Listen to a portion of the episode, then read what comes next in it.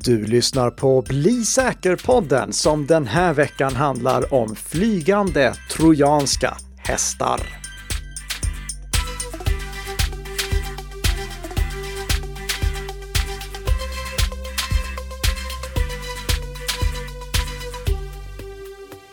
God morgon, god morgon Tess!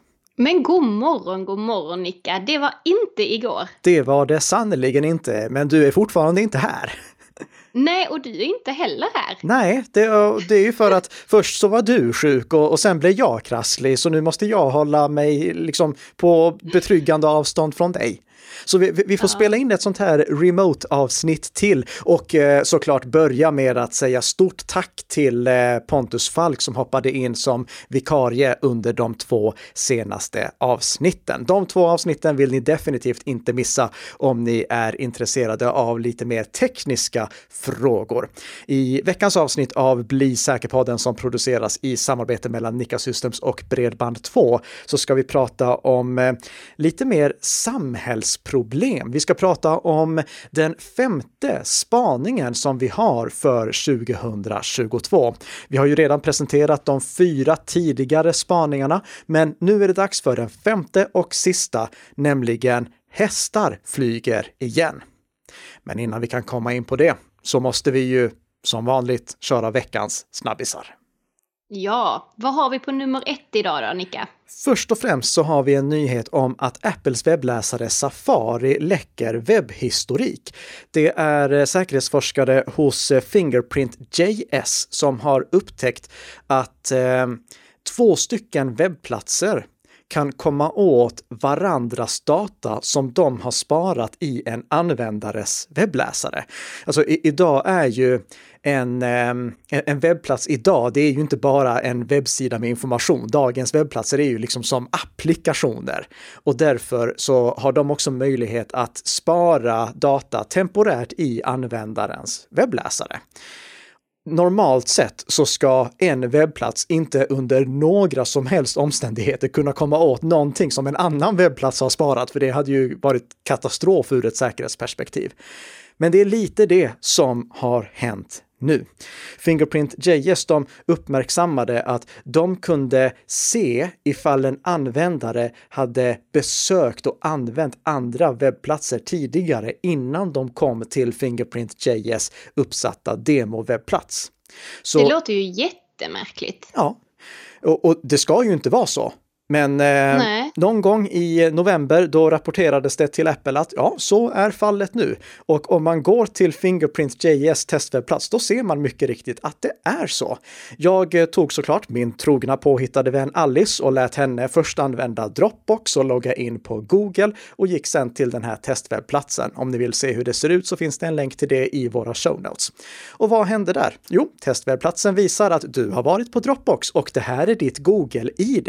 Alltså inte nog med att det läckte, att Safari läckte att Alice hade varit på någon av Googles webbplatser, utan mm. de läckte till och med ett unikt ID. Och det här skulle ju då i förlängningen kunna leda till att webbplatser kan ta reda på vem personen är och sen spåra honom eller henne runt om på hela internet. Tyvärr, när vi spelar in det här avsnittet på torsdags eftermiddagen, då är det är fortfarande inte åtgärdat. Det har inte släppts någon patchad version av Safari än. Så det här är alltså någonting som eh, angripare kan göra idag. Och med, med angripare, då menar jag inte liksom eh, statsunderstödda angripare nu, så som vi kommer prata om senare i podden. För att det, det här är inte ett säkerhetsproblem i sig, åtminstone inte än, utan det här är ett integritetsproblem. Att en annan webbplats kan komma åt vilka andra webbplatser som en användare har varit inne på. Mm. Att åtgärda det här, det är lyckligtvis enkelt. På MacOS så är rekommendationen helt enkelt använd en annan webbläsare än Safari. För sårbarheten ligger i WebKit, alltså webbläsarmotorn som Safari använder. Och det gör inte i princip någon annan webbläsare. Eh, vi har eh, Firefox som använder eh, Gecko eller Quantum. Vi har alla Chromium-baserade webbläsare som Chrome, Edge, Vivaldi, Opera, eh, Brave. Det är, ingen annan använder WebKit, så välj bara någon annan webbläsare än Safari. så är problemet ja. löst. Då kan du surfa utan att läcka din historik. Eh, det som kan ställa till lite problem, det är ju ifall man har eh, valt att använda Apples inbyggda lösenordshanterare iCloud-nyckelringen istället för till exempel eh, Bitwarden. För iCloud-nyckelringen, den funkar ju inte i andra webbläsare på MacOS. Ah, det är sant. Mm. Men det kan ju då vara ett skäl att byta till Bitwarden samtidigt. Mm. På iOS och iPadOS, där är det desto värre, där finns det ingen lösning. För att Apple har bestämt att eh, om eh, man utvecklar en webbläsare till iOS och iPadOS, då måste den använda WebKit. Okej, okay. det var ju dumt. Ja, så ah. om man kollar på till exempel Firefox till eh, iOS så är det bara WebKit, alltså i grunden Safari med eh, lite Firefox-tjänster ovanpå. Samma sak med Chrome, samma sak med Edge. Mm. Så där, där, går det inte att lösa, där läcker den här datan. Det som eh, man kan göra för att minimera problemet i väntan på att Apple släpper en uppdatering, det beskriver jag i den länkade artikeln. Och fram till dess så får jag väl bara säga att eh, eh, surfa inte på saker som är väldigt känsliga på din iPhone eller iPad och var inte inloggad på Google under tiden som vi väntar på att Apple åtgärdar det här problemet. Sen kan man ju då fråga sig också hur lämpligt det är att Apple får ha överhuvudtaget en sån regel som säger att man måste använda WebKit. Det, på eh, Android, där är det ju fritt fram att använda vilken webbläsarmotor som helst för de som utvecklar webbläsare. Eh, mm. Microsoft, de hade tidigare krav också på att de skulle använda Microsoft webbläsarmotor om appen skulle publiceras i Microsoft App Store. Men eh, nu i i slutet av hösten, eller början av hösten var det nog, då meddelade Microsoft att nu är det fritt fram att använda vilken webbläsarmotor du vill, vilket är skälet till att eh, Firefox finns i Microsoft Store numera. Ja, vem vet, Apple kanske också kommer till den insikten snart. Ja, och mm. det, det, var ju ganska nyligen de lät en välja vilken webbläsare man ville ha som standard på iOS och vilken, ja, det, så det, det går framåt. Precis, små ja. steg alltså. Okej, okay, men du Tess, det är för god mm. stämning här, det är för god stämning, ta ner stämningen. Ja. Okej, okay, okej, okay, jag lovar, jag lovar. Nu kommer jag med riktigt tråkiga nyheter. Mm. För under onsdagen den 19 januari så gick internationella Röda Korset ut med ett pressmeddelande som bekräftade att de har blivit utsatta för en IT-attack som resulterat i att angripare har kommit över känsliga personuppgifter på över en halv miljon utsatta människor. Det handlar bland annat om uppgifter på personer som har separerats från sina familjer i samband med katastrofer och konflikter från 60 olika länder. Till följd av attacken så uppger Röda Korset att de har varit tvungna att stänga ner IT-systemen som används i ett program för återförening av familjemedlemmar, vilket påverkar då deras arbete här. De jobbar så snabbt som möjligt för att hitta lösningar för att fortsätta med arbetet att återförena familjer. Än så länge så vet man inte vem eller vilka som ligger bakom attacken. Men i pressmeddelandet så vädjar Röda Korset till angriparna att göra det rätta genom att inte dela, sälja, läcka eller använda informationen som de kommit över eftersom deras handlingar kan orsaka ännu mer skada och smärta för de som redan är utsatta och lider. Ja. Mm, nu drog jag ner stämningen, eller hur? Det gjorde du verkligen. Och om man får prata om etik bland kriminella så, ja. Eh, alltså, kom igen, de kriminella som håller på med det här, ni, ni, ni är verkligen bottenskrapet. Ni, ni, ni är sämst. Jag, jag, tror ju inte på att helvetet finns, men att och, och, om helvetet finns och jag hamnar där tillsammans med er, då ska jag se till att ni har en egen våning i helvetet bara för alltså, att attackera verksamheter som Coop och eh, Nordic Choice Hotel, det är väldigt, mm. väldigt omoraliskt. Men kom igen! Ja, Röda Korset! Ja. ja. Fy skäms. Mm. Mm. Och du Tess, mm. nu tänker jag dra ner stämningen ännu mer. Nej, vad med, är det här för med, med veckans huvudämne. Ja, det, så, eh, vi kan ju säga som så här, ifall ni som lyssnar på det här på fredagsmorgonen inte vill att vi förstör er fredagsstämning så eh, sluta lyssna nu. Prenumerera på podden så hörs vi nästa vecka kan jag väl säga nu då istället.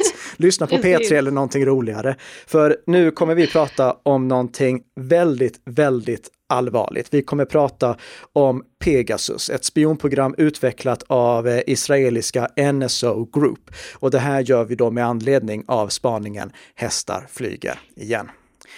För att ge lite bakgrundsinformation så kan jag ju tipsa om att lyssna på poddavsnitt 146 där vi pratar om end-to-end krypteringstrenden och vad den kommer innebära för både myndigheter som vill kunna avlyssna medborgare och eh, för eh, eh, angripare som vill kunna avlyssna sina offer.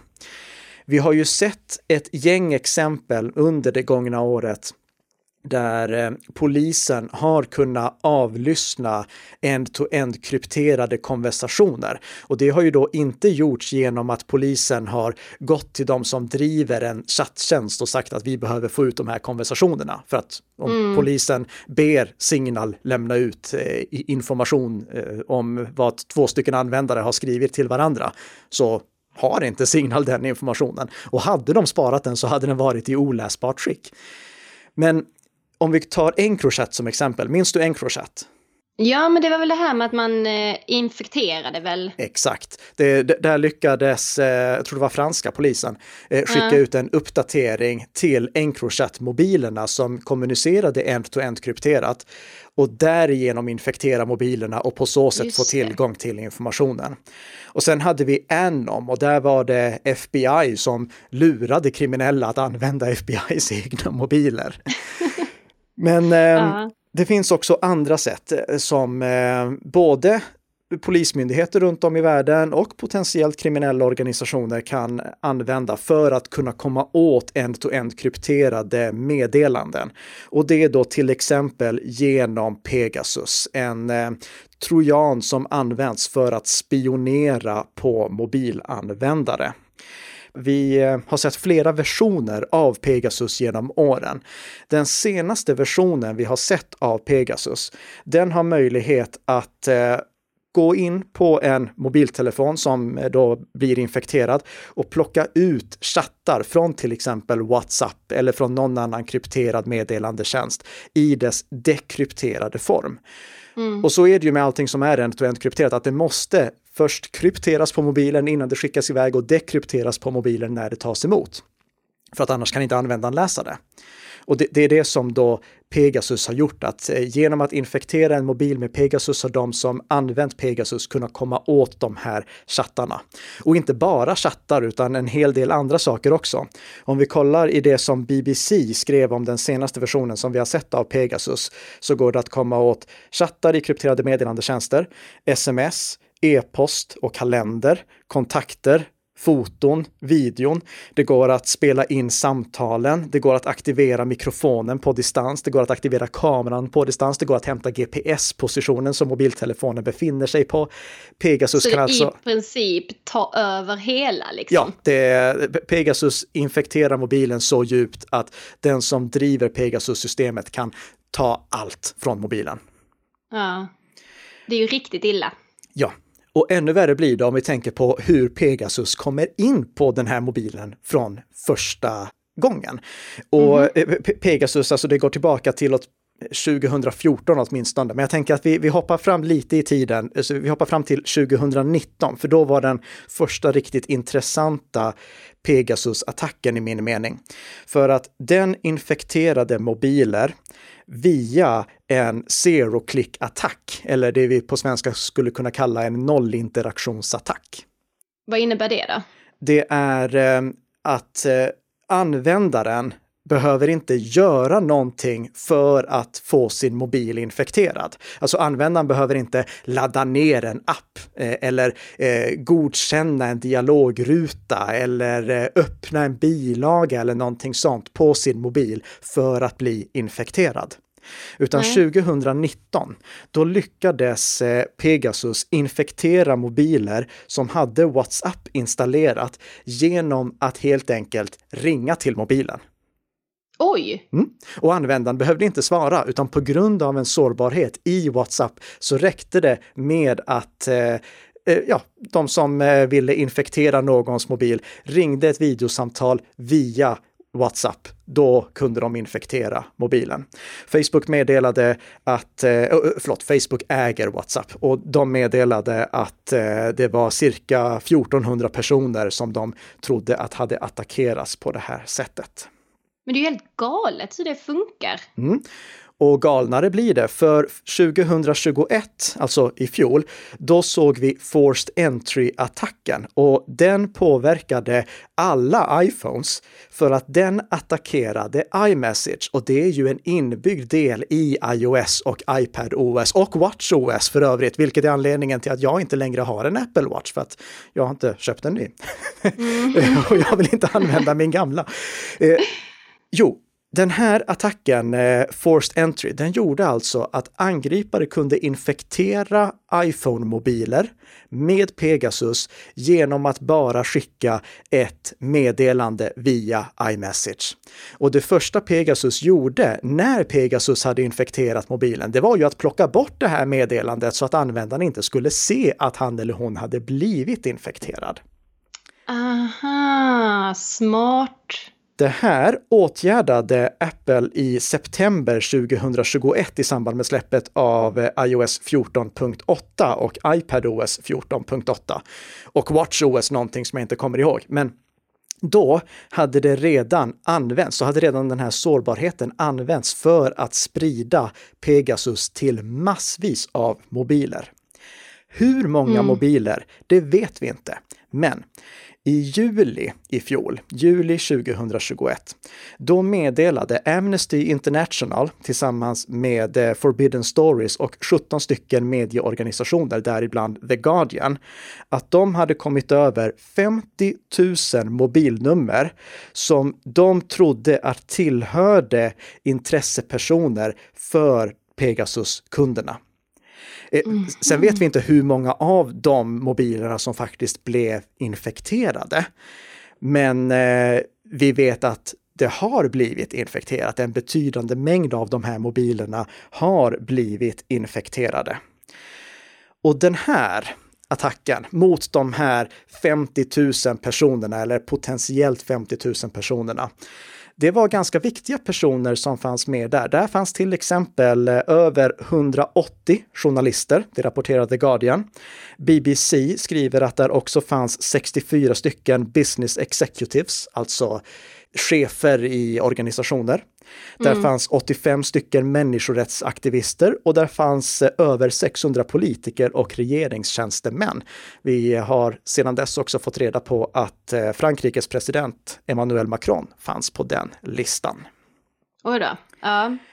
Länderna som använder det här systemet, det är också en intressant lista. Eh, I The Guardian så kan vi se att där finns Azerbajdzjan, Bahrain, Förenade Arabemiraten, Indien, Kazakstan, Marocko, Mexiko, Rwanda, Saudiarabien och Ungern.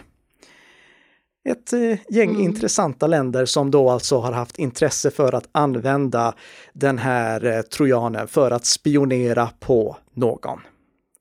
Det låter ju ändå som att det är väldigt så här välriktade attacker mot specifika personer. Ja, så, så, är det. Så är det absolut. Uh. Och NSO Group, de, de förnekar ju såklart det här helt och hållet. Det, mm. de, de sa nej, nej, nej, det här stämmer inte.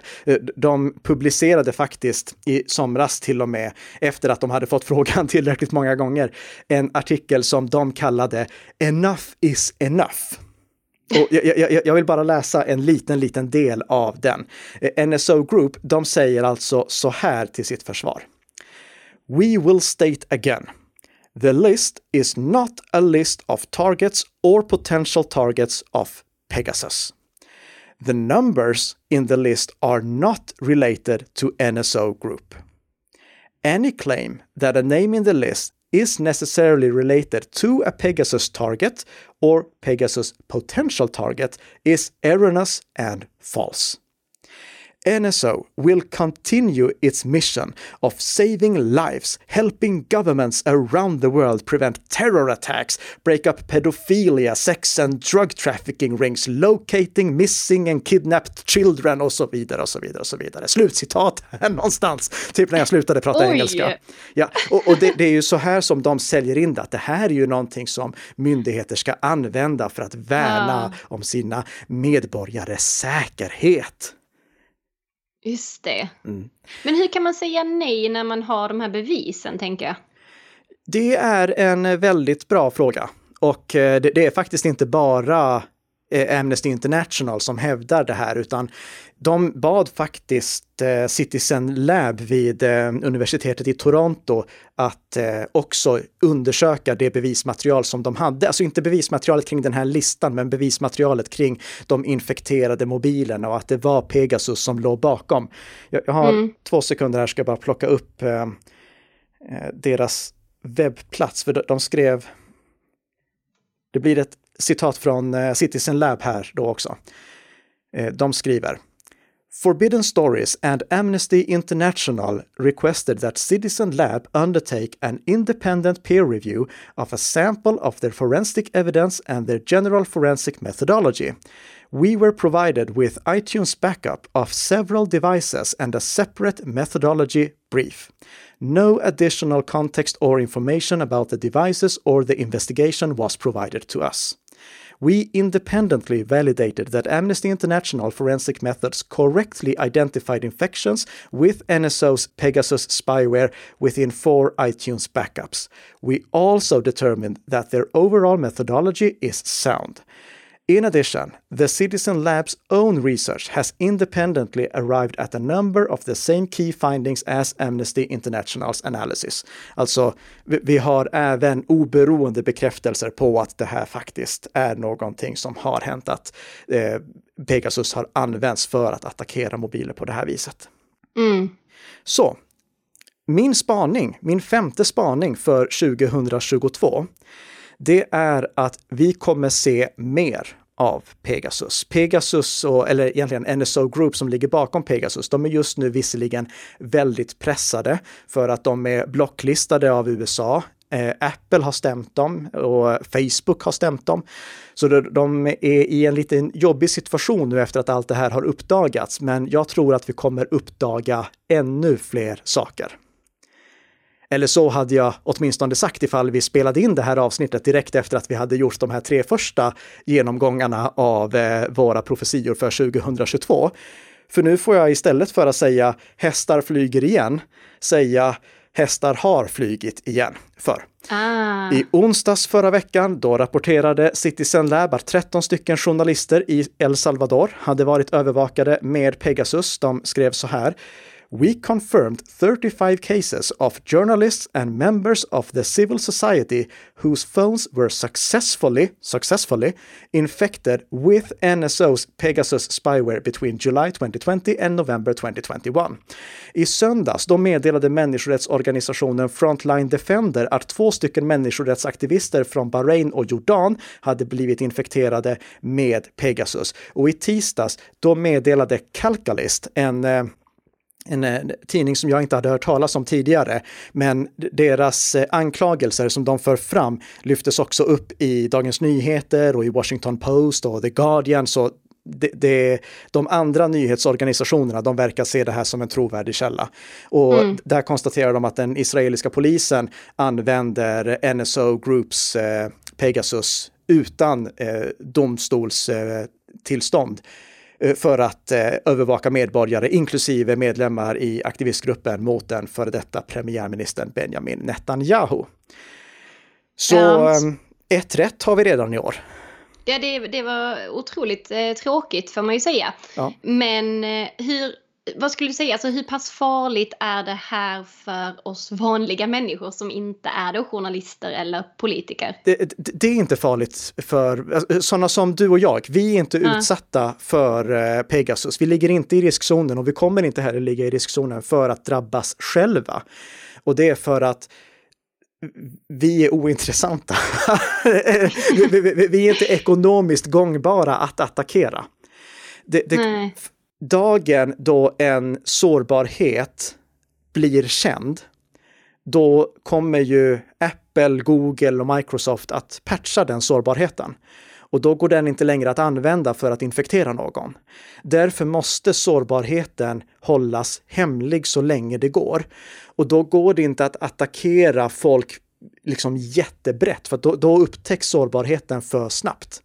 Mm. Så därför är det bara måltavlor som är ekonomiskt försvarbara att attackera, där man kan liksom välja, okej, okay, de här personerna, de vill jag attackera. Det går inte att göra på jättebred front utan att samtidigt avslöja sårbarheten som utnyttjas för att attackera någon.